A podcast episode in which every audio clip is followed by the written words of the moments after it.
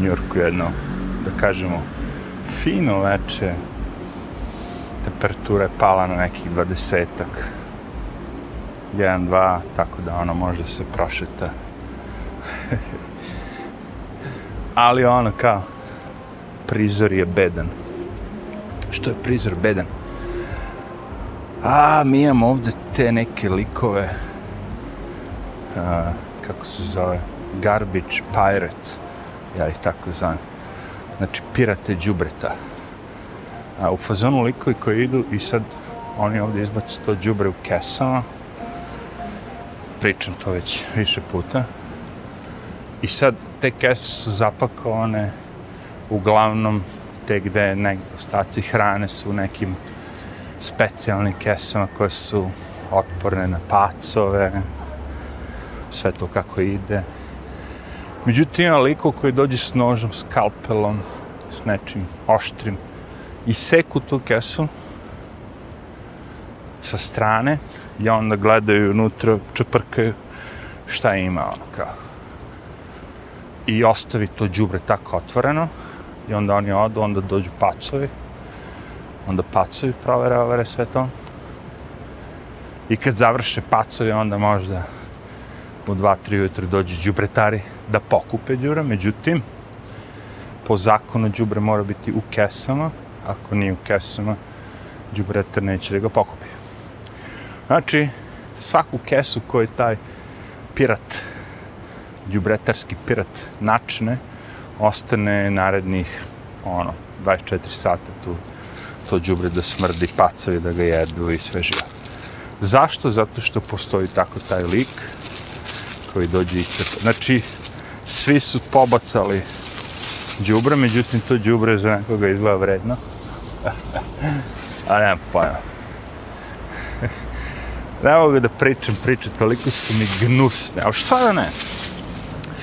Znači, za treniranje pasa se koristi takozvani Vivi pad, onako kao neko stavlja novine kad uči psa ono da kad piše da ne piše u kući nego ono da piše na papir i posle na polju i onda ne bi bio papir imamo taj neki Vivi pad znači ono kao mali da kažemo ovaj, papirni peškirić veći u stvari a, koji ima u sebi neki ono scent miris nečega što psa asocira da treba piše na to. Znači, ako treba ti piše u kući na parket, da ti ne bi piše na parket, ti mu daš taj da kažemo Vivi pad, onda on piše na Vivi pad i bla bla bla.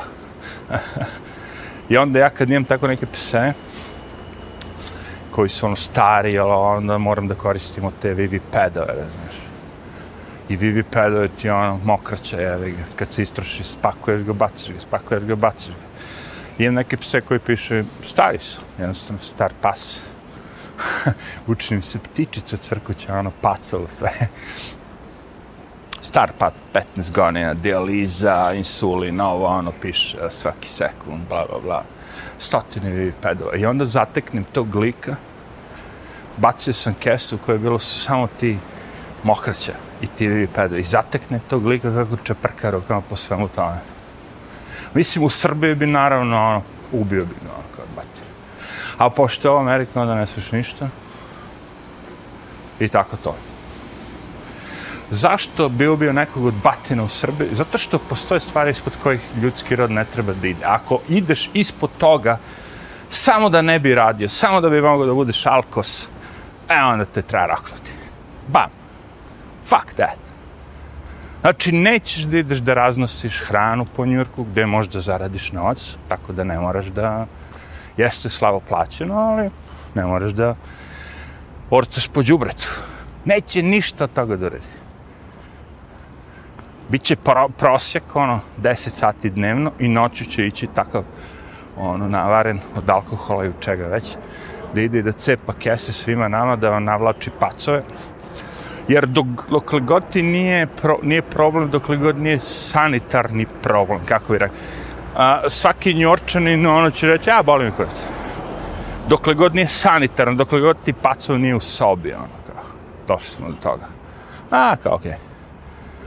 Ali sanitarno je to sve, kako bih vam rekao. Ako ako imate lika koji će da vam cepa kese, navlači pacove, ovo, to postaje ono zaraza žešća.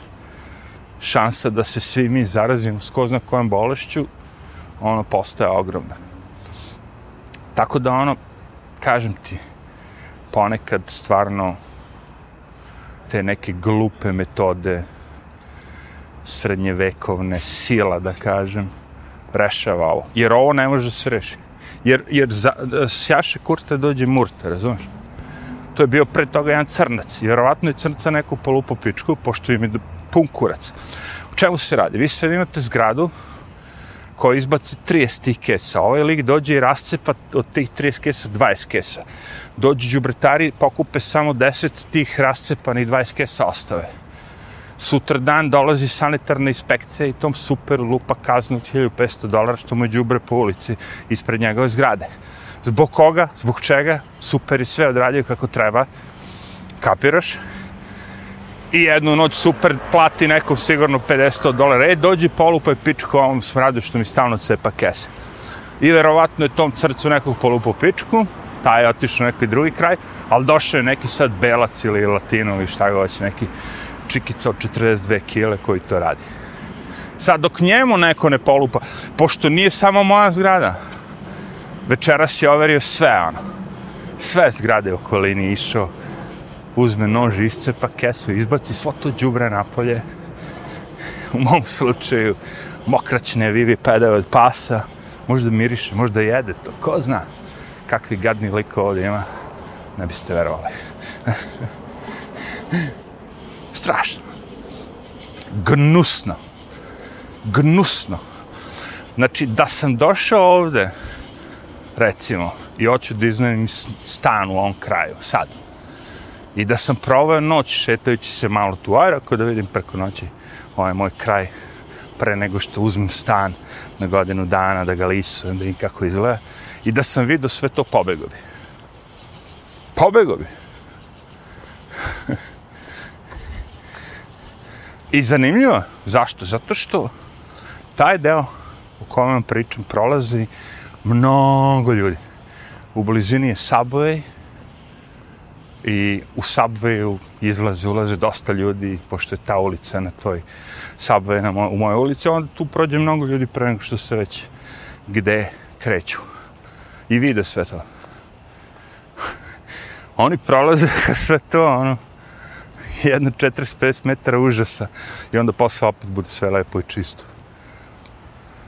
Strašno, bre. Ja se razmišljam o tim standardima. Do koje mere standard ovih ljudi spušten i kako se to radi godinama. Znači, da, ti si bogat, sve to cool, imaš stan, sve to cool, la, la, la, la, la. Ali pre 15 godina ovdje je bilo ono kao u fazonu nisu zaključavali stanove kao kod nas nekada. Deca pusti dete u subway da ode samo u školu. Znaš, bilo je leže. Onda 9-11, ode sve u kurac. Dobro, ja lupam 15 godina. Malo više godina, sve jedno. E sad, znaš, pošto je u Njurku bilo to doba 70 kad je sve bilo baš ono krš najgore, droga, alkohol, znaš, ono, ruševine, zgrade, sve skenjeno, bla, bla, bla, oni pokušavaju da porede to, ne, ne, ne, to tad je bilo, uh, kako bih rekao, normalna pojava. Normalno je bilo to sve što se desilo. A Ovo sad što se radi je namerna pojava. Neko namerno pravi se ovo Namerno pravi New York da postane ono, kako bi rekao, jedna od najvećih rupa, ono, zapamćena u istoriji planete, grad koji je nekada bio sve naj, naj, naj. Pošto neće oni to samo raditi s New Yorkom, oni će raditi to sa mnogim ljudima, vidjet ćete. Sve ljude koji sada prolongiraju kao najveće zvezde i dola, nešto što se najbolje dešava na planeti, recimo ovaj Zelenski, Ukrajina, ovo ono, pravimo sad lutkice, kao ove barbike. Svi ti likovi će biti vrlo brzo proglašeni najgorim zlikovcima, najgorim govnima. Naj... Znaš, to će biti to fora brisanja, veliki reset, ovo ono. Oni moraju ti zamene sve, kompletno sve. A, da, da, upravi ste bili, svi sad shvatamo da su oni bili prevaranti, sve njih skidamo, ovo, ono, stavljamo novu ekipu skroz. I narod će, naravno, yes, Lord, give us, daj nam još kao, daj nam novog virusa, daj nam novih bolesti. ne, evo sad sam gledao kao Trump je nešto na tom njegovom social network ili social šta već isto rekao kao najgore tek dolazi. I onda se sećam onog Bidenovog ovo će biti najgora zima ikada. A, to je bilo, ja mislim, ono kao bilo najava. Bidenova najava za, za zimu koja prošla nije bilo najgore ikada. Nego bilo, no, pošto je virus prevara, znači nema šta da bude najgore ikada. Pazi, ne verujem da senilnom Bidenu baš ono, govore mnogo, baš sve sad kako šta ide, šta se dešava, šta će da se radi, bla, bla, bla. Ipak je on tu neka, kako bi rekao, zadnja ikonica, naša, ono, zadnja budala, dvorska budala. Tako da ono kao, pff, izveštaj koje ja gledam od raznih ljudi, a, su sledeći. Prva stvar koja je zanimljiva, što dobar deo ljudi na planeti počinje tek sada da razotkriva koliko je stvarno od svih tih bolesti koje su oni bolesti, smrtnih slučajeva od, od, od korone, da kažem, vezani za koronu, koliko je stvarno njih bilo da su ljudi umrli od nečega, ali su bili testirani na koronu, a koliko stvarno je bilo ono ljudi koji su zbog posljedice korone napale korona umrli ta fora. Ispada da je 10% samo samo 10% ljudi koji su navodno kao, ono, kao na onom, kad, kad gledate death certificate, tako ono kao smrtovnica, piše kao korona. A u stvari neko bio šećerni bolesnik 30 godina, lupam sad, znaš, ono nešto strašno, ono kao korona jeste bila kad su ga testirali, ali nije od toga umro, ili neko je bio ra, eh, imao rak već godinama i borio se, on. Sve to su oni bukvalno rokali kao korona, korona, korona. A ispostavilo se da je samo kao 10% od svega toga bilo to, a 90% da je bilo ljudi koji su testirani s tim. Saobraćaja nesreća, poginuo, ali imao je koronu kad su ga u mrtvačnici testirali da ga nisu testirali, ne bi ni znali. Ta bolest je bila jako zanimljiva, mislim bolest, ja lupam. Ta prevara je bila zanimljiva. Znači imamo bolest za koju ne znate da ste bolesni dok vas ne testiraju. Nije vam ništa, ne šmrčete, ne kašljete, ma ništa nije. E sad, da bi znao da li si bolestan od toga, moraš da da se testiraš. I ljudi sad to utripuju kao, kako to je cool, to je normalno. I dan danas brdo testo ovde po Njurku. ja rekao, pa, zar ti nije to čudno malo, evo ono, to, da te neko testira tako, ono, kao, na svakom čašku, čašku, nastop, nastop, nastop, nastop. A ne pričamo o tome da je test u stvari skupljanje DNA-a, i prodaja DNA koje kakvim kineskim laboratorijama i ko zna kome već. Ne mora biti kineska bilo čija. Pokupiš vam DNA svima svi koji su se testirali, sad imaju vaš DNA. Pre nego što su vas modifikovali. Sa takozvanom, ono, kao vakcinom. Što nije vakcina, nego je modifikacija. Cela poenta je priče ubijanje imunog sistema, zabranjivanje pričanja o imunom sistemu, zabranjivanje pričanja o tome šta pomaže imunni sistem prirodno, jedina stvar koja može da pomogne vašem imunom sistemu su vakcine, ali ono. I svi ti likovi što najbolje od svega, pogledaj tog Bajdena i ovog Faučija. Izrokaše se, brate, sa tim svim šatovim. Kako uzme šat i taj novi neki lek, opet dobije COVID. I stalno isto. Svaki 3-4 dana ima COVID, uzme taj šat, nema, povuče se, vrati se COVID. Stalno, stalno. dobar dan, dobar dan, danas imam COVID, za 3 dana je prošlo me COVID i idemo tako redom.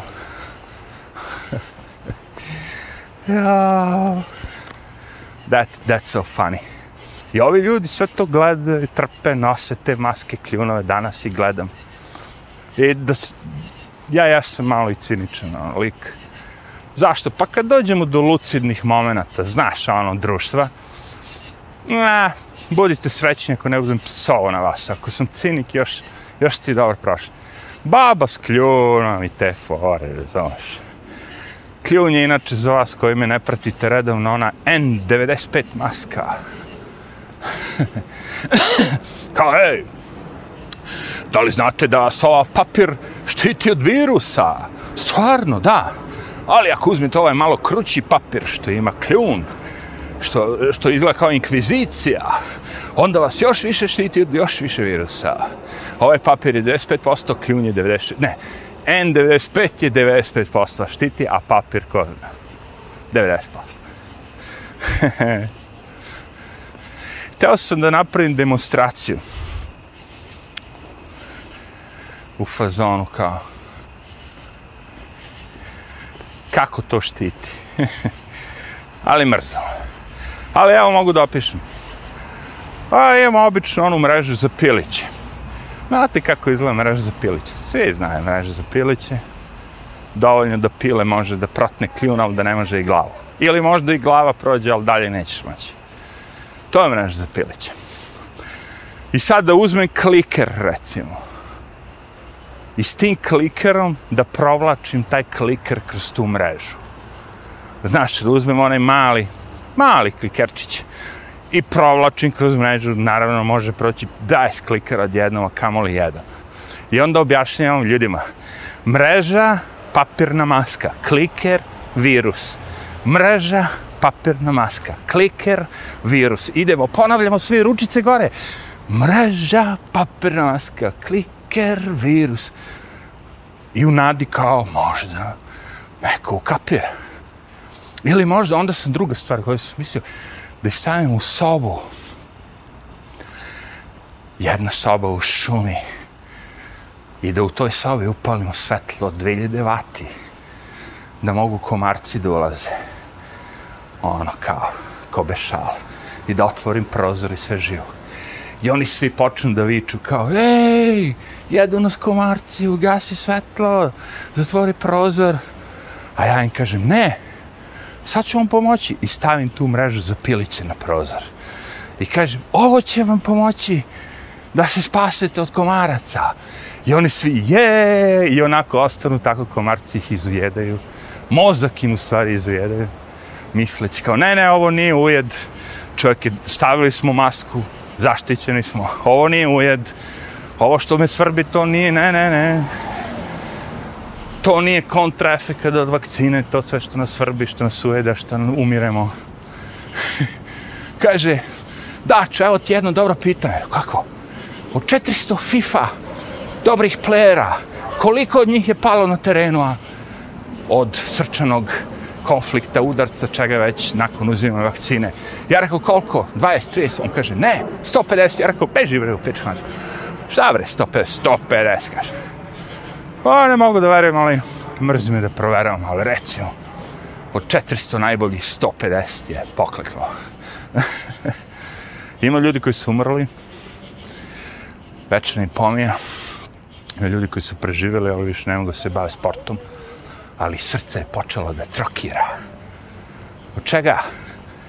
Pa sad se priča od vakcine ovi što su živahni skaču po terenu trčkaraju nisu primili. A znaš koji je najgori šamar na sve to? Od svega toga, koji, koji bi meni bio najgori šamar da sam morao da primim, da sam morao da primim vakcinu, pošto hteo svakako nisam, niti sam je primio.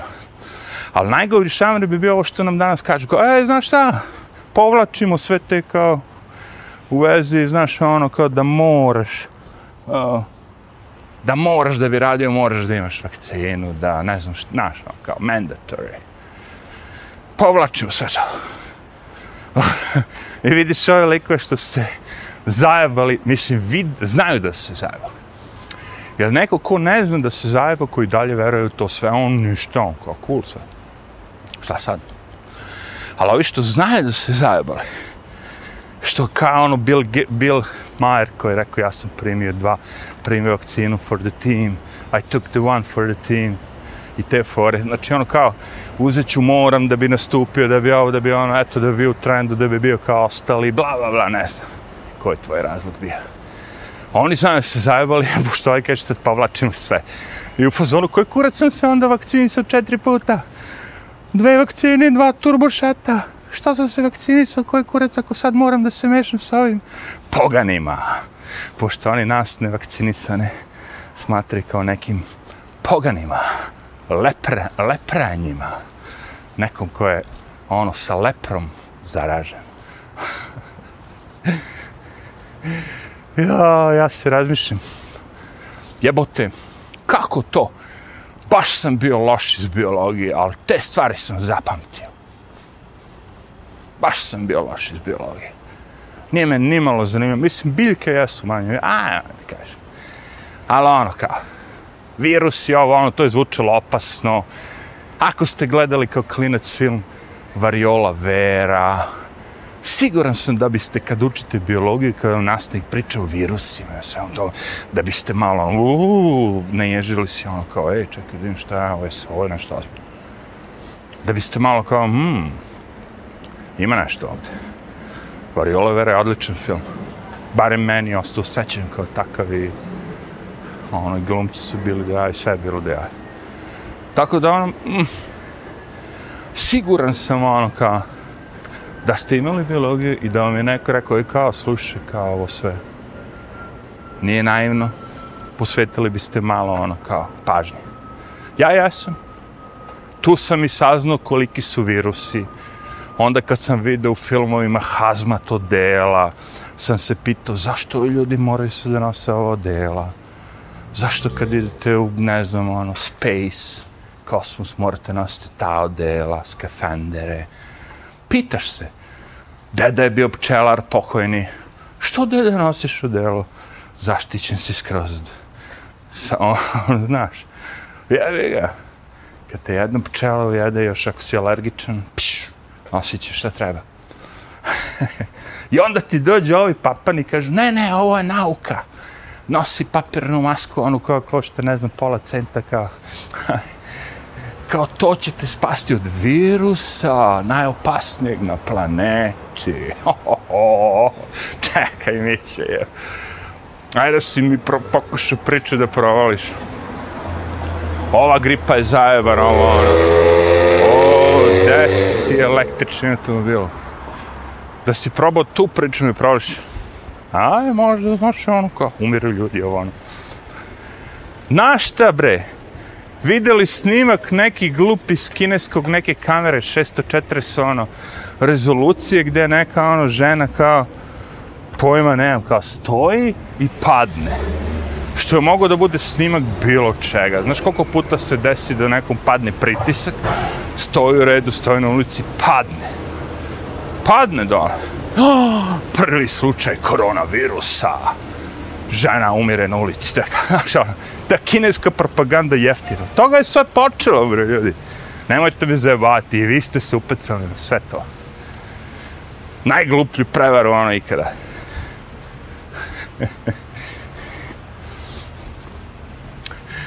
ja razmišljam nešto ono... Ako i kod vas ikada posumnja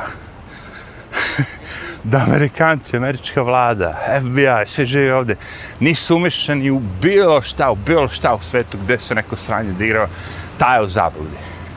Svugde su umešani, svugde prave sranje. Sad trenutno u Ukrajini, naravno, ali ono kao...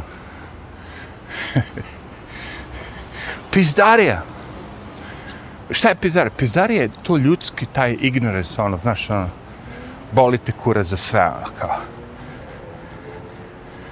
Taj, nemam pojma. Nećeš da očuvaš neke vrednosti tradicionalne koje su bitne svima nama. I gomila gluposti koje se svakodnevno servira ljudima. Gde oni nikada ne, ne razmisle kao svojom glavom, kao, e čekaj, ovo što je sad ovaj rekao, da li to ima ikakvog smisla, ono kao? Znaš, Koliko sad godina u Africi, Afrika je slobodna zemlja? Dugo. Nakon apartheida i svega živoga i ovoga i onoga, ne znam. Zašto nisu smislili čipove kao Tajvan?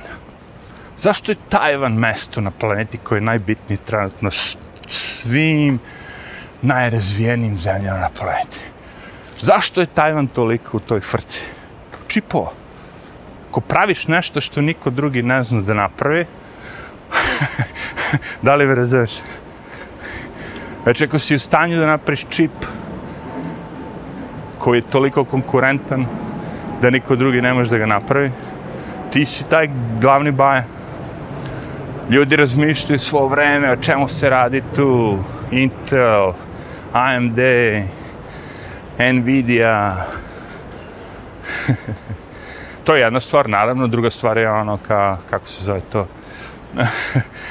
Kada imate recimo ta Nancy Pelosi koja je speaker of the house i njen muž je taj trader, ili tako na berzi i sad ona ide tamo u Tajvan i uh, druži se sa gazdom u Nvidia, a njen muž je par dana pre toga investirao u Nvidia.